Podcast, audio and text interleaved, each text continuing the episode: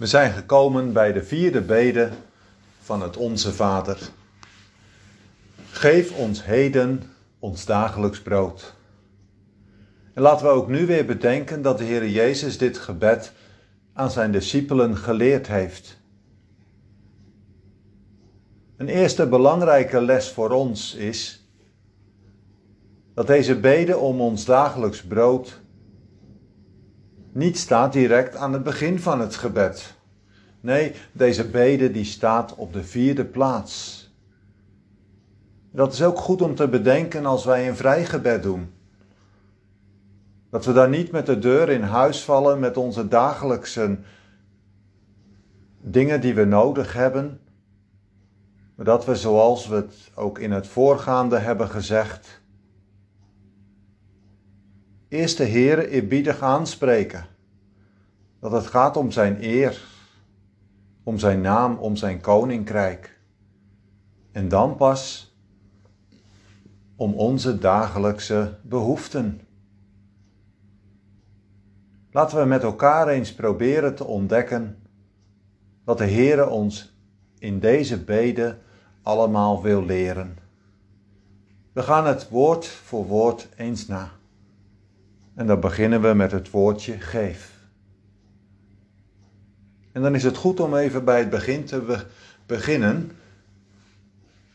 Onze Vader die in de hemel zijt. En dan laten we de eerste drie beden er even tussenuit. Geef ons heden ons dagelijks brood. Dat wij die vraag aan Hem stellen, daarmee eren we Hem. We richten die vraag tot Hem omdat Hij bij machten is om het ons te geven. En kijk, daar zal ik een voorbeeld bij gebruiken. Kijk, als jij iets nodig hebt, dan vraag je dat ook aan iemand die jou dat kan geven. Stel, je wil een nieuwe fiets. De grootste kans is dat je dat vraagt aan je ouders of iemand die genoeg geld heeft om jou dat te geven. Kijk, aan een vriend of een vriendin die misschien zelf op een oude fiets rijdt, een oud barrel, daar ga je die vraag niet aan stellen. Nee, je stelt de vraag aan iemand die het ook kan geven. In de tweede plaats ligt er in dat woordje geef dat we afhankelijke mensen zijn. Wij hebben iedere dag brood nodig. En we zijn afhankelijk van de Heere om dat brood ook te ontvangen. En in de derde plaats ligt er nog iets in dat woordje geef. Misschien heb je wel eens een bedelaar gezien. Gelukkig zien we die in ons land niet zoveel. Maar het kan zijn dat je eens op vakantie was en dat je daar in een grote stad een bedelaar zag zitten met een uitgestrekte hand. Geef. En wat is het ook voor ons? Een goede gestalte wanneer we zo bij de Heere terechtkomen. Geeft u, alstublieft, ons ons dagelijks brood. En dan met het besef dat we eigenlijk geen rechten meer hebben op ons brood. Want door de zonde hebben we alle rechten ten opzichte van de Heere verloren. Zijn we arm geworden. En bedenk dan maar, in het paradijs hoefden we dat niet te bidden. Daar was eten genoeg. Al ons eten lag als het ware voor het oprapen. Maar door de zonde zijn er zoveel moeilijkheden gekomen, ziekten, misoogsten, misschien aanvoerproblemen bij ons eten. Denk maar aan de coronacrisis. Zodat we gaan beseffen dat het echt niet normaal is Dat er iedere dag zomaar brood op de plank ligt. En als de Heer maar een ogenblik zijn hand terugtrekt, dan is er hongersnood. En daarom, Heere, alstublieft, geef. En zo komen we bij het tweede woordje in deze beden. Ons. En dat is eigenlijk wel opmerkelijk. Want er staat, geef ons. En ook als je alleen bent, als je misschien alleen bidt voor je boterham, dan toch zeg je ons. Het is goed om te bedenken dat er in heel het gebed, het Onze Vader, niets staat in het enkelvoud. En waarom niet? De ware christen, die is bewogen met het lot van zijn naaste. En daarom vraagt hij niet alleen voor zichzelf, maar vraagt hij ook voor de ander. Het gaat er hem er niet om dat hij het alleen maar goed heeft. Nee, hij bidt, Heere, geef ons, mij en mijn naasten. En zo komen we bij het derde woord. Geef ons heden. En heden, dat is vandaag. Ja, maar mag ik dan niet bidden voor morgen? er staat toch ook in de Bijbel dat het goed is om in de zomer de oogst binnen te halen voor de winter. Zorgen voor later. Ja, dat klopt. Daar spreekt Salomo ook van in zijn spreukenboeken. Maar hier in dit gebed wil de Heer als het ware daarmee aangeven aan zijn discipelen. Discipelen, jullie moeten ook niet overbezorgd zijn. Een overbezorgde houding is niet goed. En dan moeten we maar bedenken dat een klein kind zich toch ook niet druk maakt om wat hij volgende week zal eten. En Gods kind hoeft zich ook geen zorgen te maken over wat hij volgende week zal eten. Al wordt de luiaard in de Bijbel wel bestraft.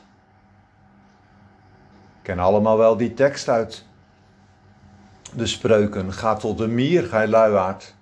Zie haar wegen en word wijs. Maar angst, angst mag Gods kind niet beheersen.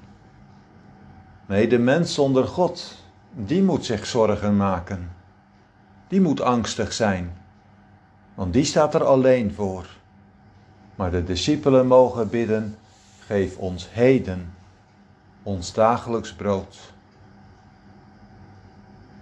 Ons brood, het vierde woordje. Mogen wij bidden om ons brood, want is dat dan ons brood? Hoe moeten we dat nu zien? Ik las daar een mooi voorbeeld van in een catechismusverklaring. Daar stond in: kijk nu eens naar een gewoon normaal gezin. Moeder heeft brood gekocht bij de bakker. En dat brood dat is thuis in de kast. En dan vragen de kinderen: Moeder, geef ons ons brood. Dan zegt moeder niet van ho ho, dat is niet van jullie. Dat heb ik betaald van mijn en vaders verdiende geld. Nee, dat zegt moeder niet. Waarom niet? Omdat de kinderen deel uitmaken van het gezin. Geef ons ons brood. En nu is het ook zo bij Gods kinderen die behoren tot dat huisgezin van God. En die krijgen dat brood omdat ze tot dat gezin behoren. En de oudste broeder, de Heer Jezus, heeft dat brood, heeft dat geld voor dat brood verdiend. De Heer Jezus heeft daarvoor betaald. Mooi hè? Gods kinderen krijgen dus ook de tijdelijke zegeningen door de verdiensten van de Heer Jezus.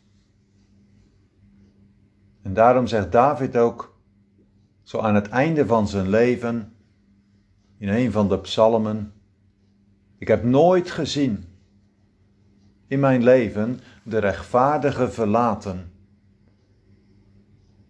en zijn zaad zoekende brood. Dat betekent, hij zegt eigenlijk, ik heb nooit gezien dat Gods kind werd verlaten en dat de kinderen van Gods kinderen brood moesten zoeken. De natuurlijke kinderen van Gods kinderen, die delen dus ook zelfs in de verdiensten van Christus. En daarom mogen zij dus ook eerbiedig vragen: Vader, geef ons heden ons dagelijks brood.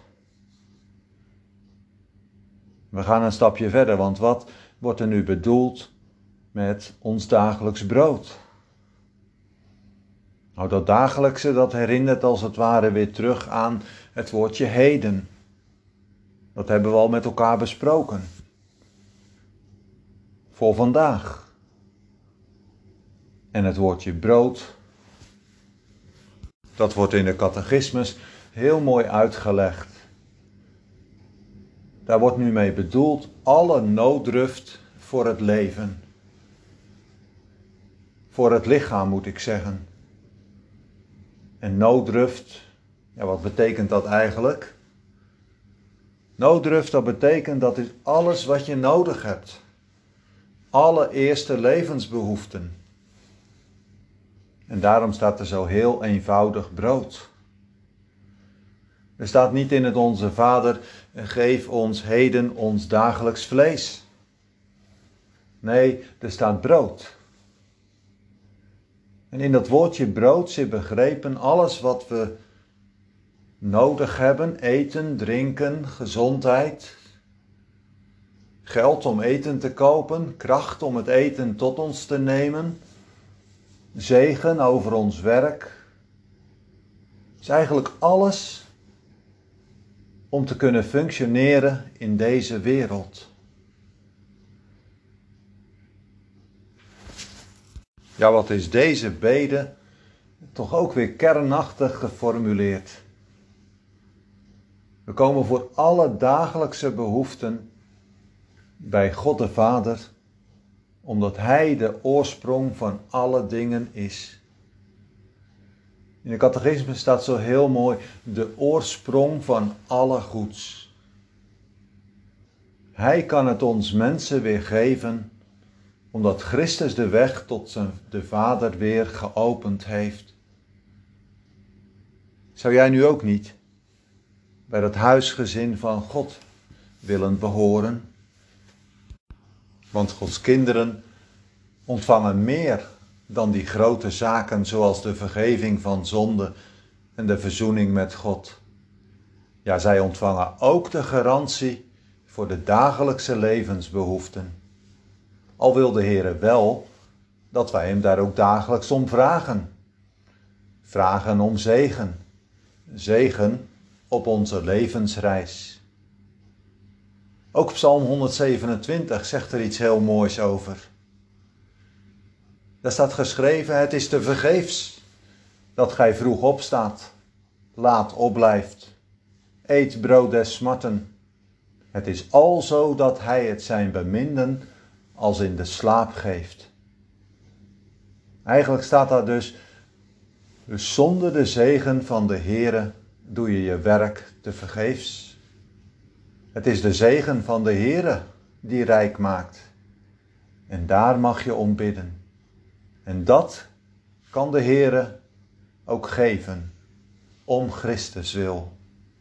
Zoals wij ook onze vrije gebeden zo vaak besluiten om Jezus wil.